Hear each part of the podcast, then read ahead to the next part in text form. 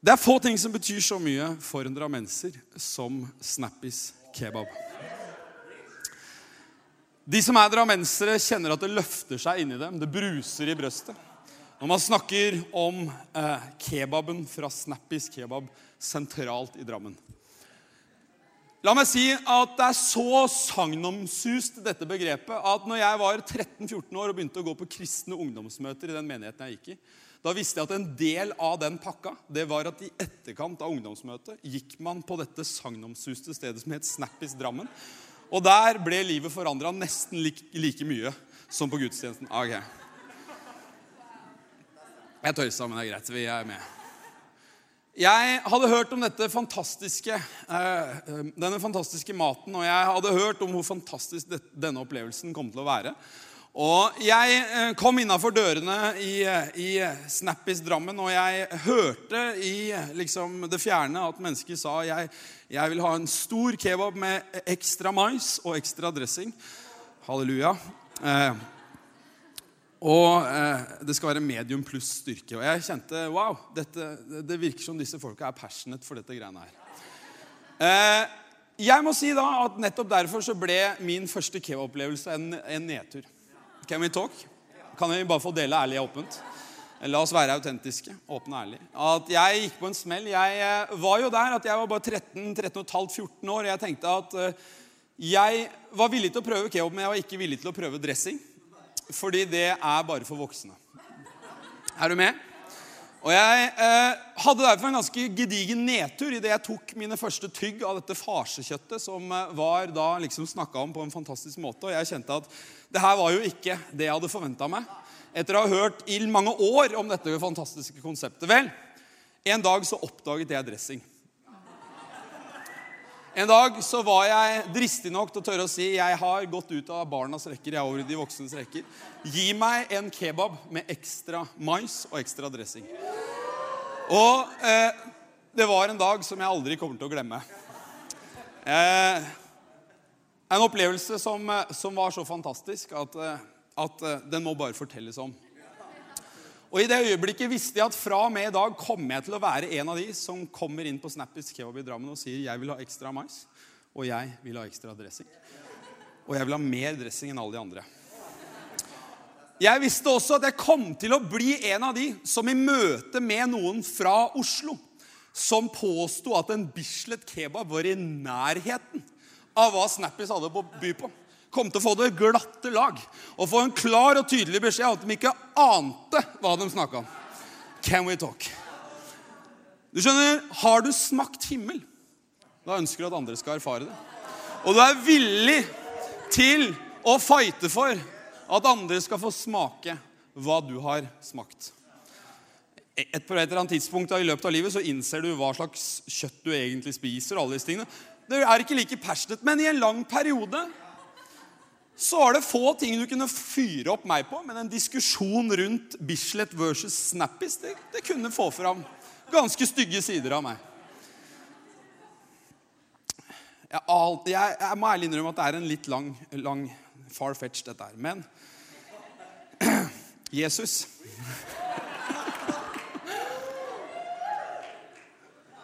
hadde smakt himmel. La oss eh, prøve å dra oss til noe seriøst nå.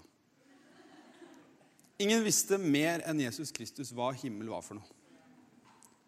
Ingen visste mer enn Jesus Kristus hva det ville si å ha en nær og personlig relasjon med Far himmelen. Han hadde smakt det. Han visste hva det innebar. Og Bibelens fortelling forteller oss at han var villig til å ta på seg en tjeners skikkelse. Bli oss lik, for så høyt at Gud elska deg og meg. For har du smakt himmel, da ønsker du å gi det videre. En drammenser, vet du. By meg hva du vil. En treretters på et eller annet flott sted nede på Tjuvholmen. Men gi meg en kebab, og jeg kjenner at jeg lever. Jesus han elska oss så høyt fordi han hadde smakt himmelen. Så var han villig til å ofre hele sitt liv for at vi skulle få erfare det han hadde opplevd. Jeg har gått på søndagsskolen, og hvis du ikke har gjort det, så Gud velsigne deg. På søndagsskolen vår i Drammen så var det eh, tre-fire ledere som eh, var mest opptatt av å lære Andreas og meg og de andre gutta på søndagsskolen eh, hva villmark var for noe. Og hvis de kunne gjøre oss om til en tropp i militæret, vel, da hadde de liksom gjort det. Men vi hadde én fyr som går faktisk fortsatt i intro, eller som går i intro Drammen, og som heter Geir Tollefsen. Han hadde det flotte tilnavnet Presten. Og Det var fordi han var den eneste av de søndagsskolelærerne som prøvde å, å lære oss noe som helst fornuftig. Og eh, jeg elsker at godeste, eh, at godeste, Geir han var flink til å, å vise oss eh, evangeliet, de gode nyhetene, historien om Jesus og hva han gjorde for oss, i bilder. Og eh, Jeg husker ett eksempel helt spesielt godt. Det er ikke mye jeg husker fra de søndagsskoletimene.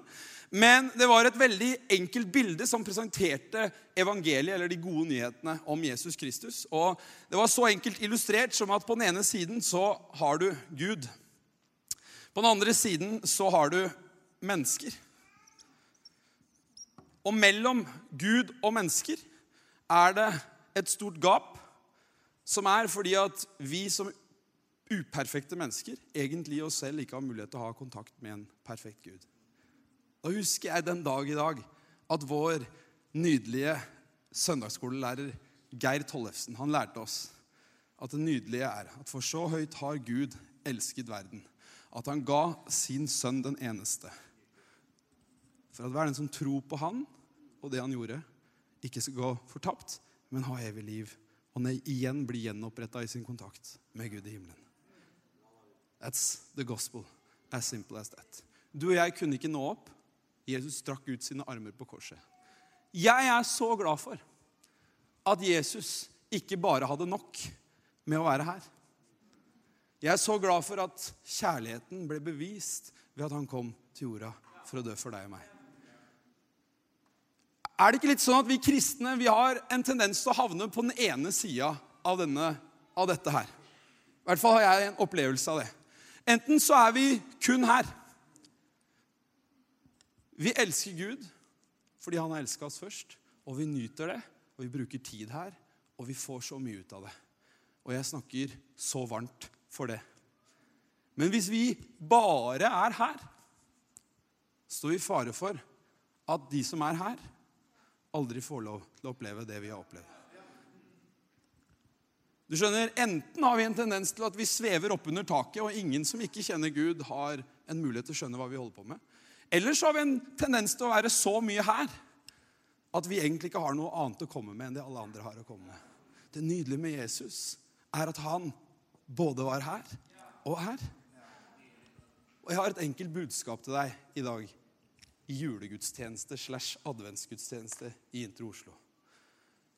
La oss ha Jesus sin innstilling som forbilde. La oss i denne julehøytida bli mennesker som sier at Jesus, jeg har erfart deg på en måte som har forandra livet mitt. Men fordi ikke jeg bare elsker deg, men fordi jeg elsker mennesker, så ønsker jeg å stå med henda utstrakt på den samme måten som du gjorde. Du skjønner, Det fins mennesker i vår verden som lengter etter å erfare den samme kjærligheten som du har opplevd. Men hvis vi kristne bare ender opp med å sveve opp under en sky, eller på andre sida ikke er med Gud, så vi egentlig ikke har noe annet å formidle enn resten av verden, vel, da bommer vi like mye begge to. La oss være mennesker som holder i Guds hånd, og som berører mennesker. Er ikke det fint? Jesus han går ikke lenger i Oslos gater i kjortel og sandaler. Jeg husker når jeg bodde i Kristiansand, så var det en som eh,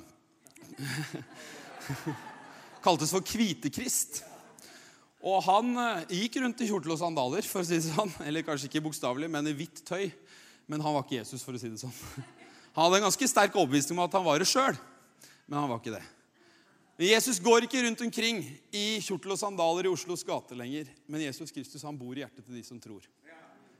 Det er nydelig med det kristne budskapet. Det kan sammenlignes med mange bilder. Og et av bildene som eh, man bruker ofte, det er et bilde som er en rettssak.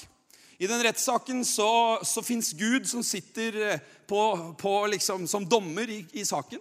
Og han skal avgjøre om du og jeg har rett til å ha kontakt med han eller ikke.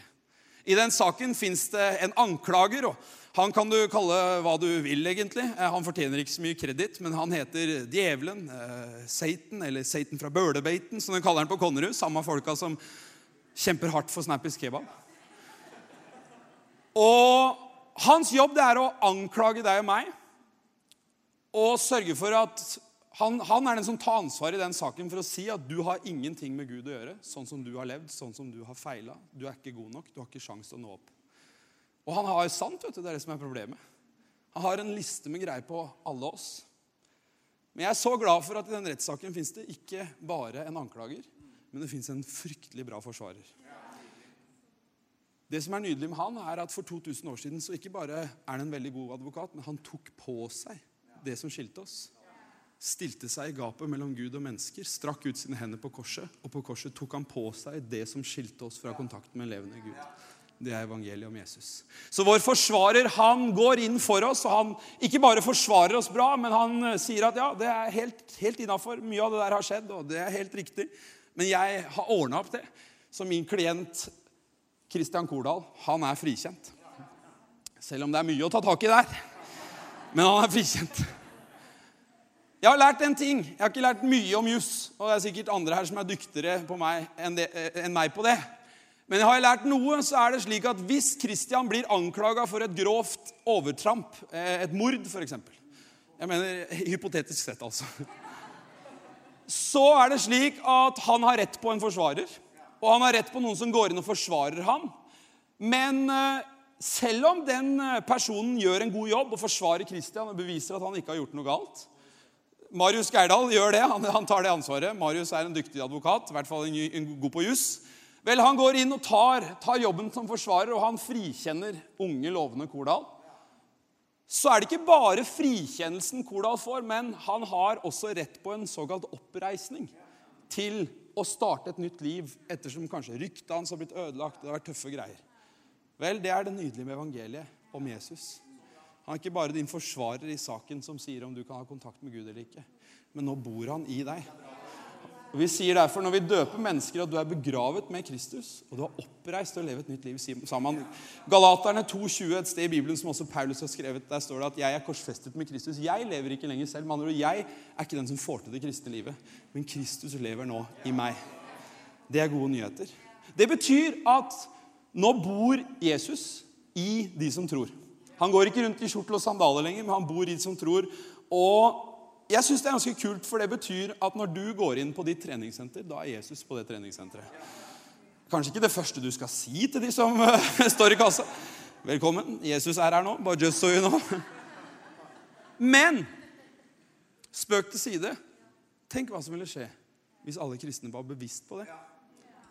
At nå på denne fotballtreninga til min sønn, så er Gud til stede. Gud er her for å gjøre gode nyheter til praksis.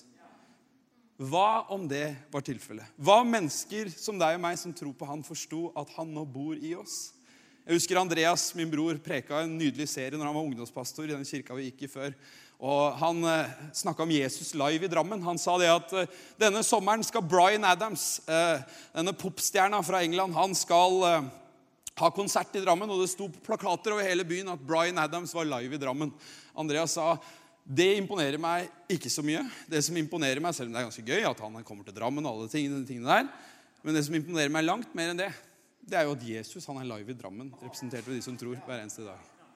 Du og jeg kan få lov å være med og stå i gapet mellom Gud og mennesker. Og Vi sier i våre visjonssetninger at vi ser en innflytelsesrik kirke som utgjør en forskjell lokalt og globalt gjennom å tjene sine omgivelser. Kirken gjør Guds kjærlighet hånd påtakelig ved å møte vanlige menneskers virkelige behov. Vi sier vi, videre vi ser en kirke som med Jesus som forbilde formidler Guds liv og kraft på en folkelig og jordnær måte gjennom at hver enkelt lever overnaturlig liv naturlig i hverdagen. Vi tror at det går an å formidle overnaturlig liv naturlig. Vi tror at det går an å være her og ha forstått Guds kjærlighet til meg på en måte som har gjort at wow, det er overnaturlig men som har lært av Kristus å ikke bare fly under taket her borte, men å elske mennesker så høyt at vi strekker oss ut og formidler den kjærligheten videre. Første Korinterbrev 12. Vi trenger ikke ta opp teksten, for jeg rekker ikke å lese hele uansett. Første Korinterbrev 12, For deg som leser litt i Bibelen, så vet du at det er et kapittel. Og hvis du ikke gjør det, så God bless you. Men kanskje det er inspirerende deg til å lese. Jeg anbefaler det på det sterkeste. Første Korinterbrev 12 forteller om de ulike overnaturlige gavene de, de troende har, fordi han nå bor i oss. Det er ikke jeg som kan helbrede noen, men han som bor i meg, han er helbrederen. Wow, Når jeg da ber for noen, da kan ting skje. Det er ikke jeg som er overnaturlig, men han er overnaturlig. Jeg digger at Bibelen sier f.eks. at vi som tror, vi kan ha det som kalles for kunnskapsord. Nå er vi litt dype her, men slapp av. Du får noe ut av dette her. Det kommer til å bli bra. Kunnskapsord er at du overnaturlig vet noe. Du har mer kunnskap enn det du i deg sjøl har. Fordi han som nå er Gud, han Jesus Kristus, bor i deg. Plutselig kan du vite noe om noen som de ikke vet. Spesielt veldig kult. Visdomsord er noe annet. At du plutselig har visdom som du egentlig ikke har. Du gir folk et bedre råd enn det du gjør i deg sjøl. Jeg har hatt noen opplevelser sånn, og når du er såpass enkelt møblert som meg, så, skjønner du når Gud er inne i bildet. Jeg husker jeg satt på kafé med en venninne av meg når jeg gikk på videregående. Hun hadde ikke noe erfaring med kirke eller Gud. Men før jeg traff henne, så hadde jeg bedt til Gud om at jeg skulle få lov å formidle noe overnaturlig positivt inn i hennes liv. For jeg kunne tenke meg at hun trengte det. Jeg delte et enkelt bibelvers som jeg fikk i tankene når jeg ba. Og idet jeg sier de enkle ordene, så begynner tårene å renne i hennes ansikt. For første gang har den jenta som aldri har vært i møte med noe overnaturlig, fått smake at wow, her er det noe. Jeg sto, skulle forberede meg til en gudstjeneste i en kirke i Mjøndalen for mange mange år siden. Og jeg skulle snakke om kirken som et hjem. Og jeg ba, og idet jeg ber, så får jeg en tanke i hjertet at det kommer til å komme noen på denne gudstjenesten som skal avgjøre om de skal ta imot et fosterbarn eller ikke. Og du skal si at du, de skal gjøre det. Og jeg tenkte ok, Gud, hvis det her ikke er deg, så jeg gikk noen runder med Gud på kammerset, men mens jeg ba og forberedte meg, så dukka denne tanken opp, opp, igjen. Og jeg tenkte hvis den fortsatt er der når vi kommer til slutten av gudstjenesten, så skal jeg dele det. Så jeg gjorde det.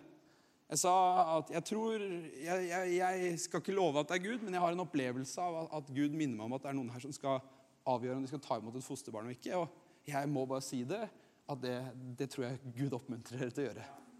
Simple as that. kommer et ungt par fram til meg etter gudstjenesten de sier at ok, nå må vi slappe av litt her. Vi skjønner ikke hvordan du visste, men jeg veit det. Dagen etter så de, skulle de på et kontor for å avgjøre om de skulle ta imot et fosterbarn. ikke. Det er å få et visdomsord fra Gud. Men du skjønner, det er en grunn til at etter 1. Korinterbrev 12 kommer det et kapittel som du har hørt om selv om du aldri har vært i kirke før, og det er 1. Korinterbrev 13. Hvorfor det? For det er kjærlighetens kapittel. Du skjønner det, Jeg tror Paulus skjønte at disse kristne folka de har en tendens til å freake ut bare på den ene sida. Så hvis vi snakker om de overnaturlige gavene, så henger de her borte. Og så koser de seg på disse kristne møtene sine og får, ruller på gulvet og gjør alle disse tingene. Men hvis jeg ikke plasserer kapittel 13 etterpå, så kan det være at de som er på utsida av det kirkelokalet, aldri får oppleve det som var hele grunnen til at jeg ga de gavene. Du skjønner, Hvis du studerer Jesus Kristus i Bibelen, vil du se at de største miraklene til Jesus skjer ikke på innsida av et kirkebygg, men de skjer ute blant mennesker som virkelig trenger hans inngripen. Og det er verdt en applaus.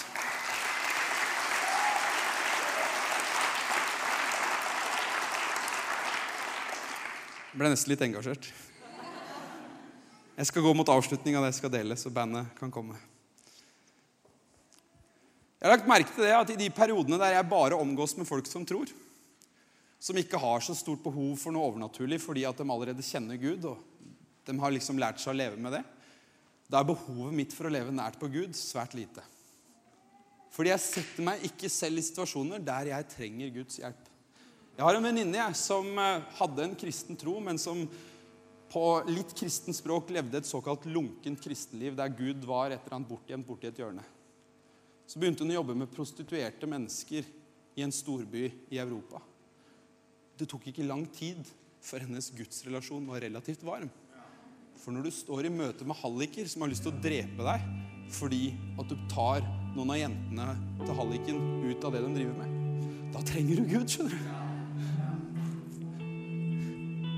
Det er mange som mistaker intro for å være en lettvekterkirke fordi vi ønsker å være en kirke for de som ikke er så vant til å gå i kirken. Du kunne ikke ha tatt mer feil. Du skjønner, Hvis du er, ønsker å formidle det budskapet om Jesus til mennesker som aldri har hatt en relasjon til det, then you need God for sure. Jeg drømmer om at Intro skal være kjent som en kirke som med Jesus sin innstilling som forbilde har en nær relasjon til Jesus Kristus. Og daglig tar til seg Wow, tenk at du har elska meg, Jesus. Jeg er ikke bedre enn noen andre, jeg er ikke mer fans enn alle andre. Jeg har vært så heldig at jeg har fått lov å oppdage din kjærlighet. Men han så det ikke som et rov å være Han så det ikke som et privilegium han ville holde fast på å være Gud lik, men han tok og gjorde avkall på sitt eget. Og han ble oss lik, og han strakk sine hender ut på et kors, sånn at du og jeg skulle få smake himmel slik han hadde smakt himmel. Hva om vi i 2015 og 2016 bestemmer oss for å være en kirke som sier at Gud, la meg ha Jesus som forbilde. La meg få lov å være en som står med henda godt planta inn i det Gud har for meg, men som også elsker mennesker så høyt, inspirert av Han som elska meg. At jeg strekker meg ut for å formidle det budskapet til mennesker som aldri har fått lov å høre det budskapet. La meg avslutte med å si Det står i, i Bibelen om Thomas, en av Jesus sine første tilhørere. og Det står at når Jesus døde og hadde stått opp igjen, så kom Jesus til disiplene. Men den første gangen Jesus kom, så var ikke Thomas sammen med dem. Det gjorde at når de andre sa at vi har sett Jesus, han har stått opp igjen, så sa Thomas ok, nå må vi rå oss litt ned. Fyren døde her bare for noen dager siden. Jeg vet ikke om dere fikk med dere det. Så det å påstå at han har vært her, det blir litt for drøyt for meg. Jeg trenger å få lov å legge fingrene mine i hans naglemerker, ellers kan jeg faktisk ikke tro på det. Derfor så kaller vi han Thomas tvileren, men sannheten er at Jesus han var ikke fornøyd med å la Thomas forbli Thomas tvileren. Men han elska Thomas så høyt at det står at igjen kom Jesus til disiplene, og nå var Thomas sammen med dem. Og de andre var der, men Jesus visste hvem han skulle snakke med. for å si det sånn. Så han gikk rett bort til Thomas og han sa, 'Kom og legg fingrene dine i mine naglemerka hender.' 'Og vit at jeg har stått opp.' Og Thomas får lov å legge fingrene sine i Jesus' sine hender, og han sier 'Min Herre og min Gud'. Og han bare 'Wow, it's true'. Vet du hva jeg nylig lærte meg? Jeg lærte meg at av disiplene til Jesus så var det Thomas som geografisk sett gikk lengst av alle disiplene for å formidle evangeliet ut. Det ene møtet med Jesus det gjorde at han sa jeg, ikke, jeg bryr meg ikke om hvor langt jeg må gå. Jeg bryr meg ikke om hva jeg må gjøre. Tenk om jeg bare kan få lov å formidle denne kjærligheten til flere mennesker. Vi elsker fordi han har elsket oss først. I dette er kjærligheten ikke at vi elsker Gud, men at Gud har elsket oss og gitt sin sønn til soning for våre synder. Hva om du og jeg kan få lov å være en kirke som berører Gud, og med Jesus som forbilde berører mennesker? Takk for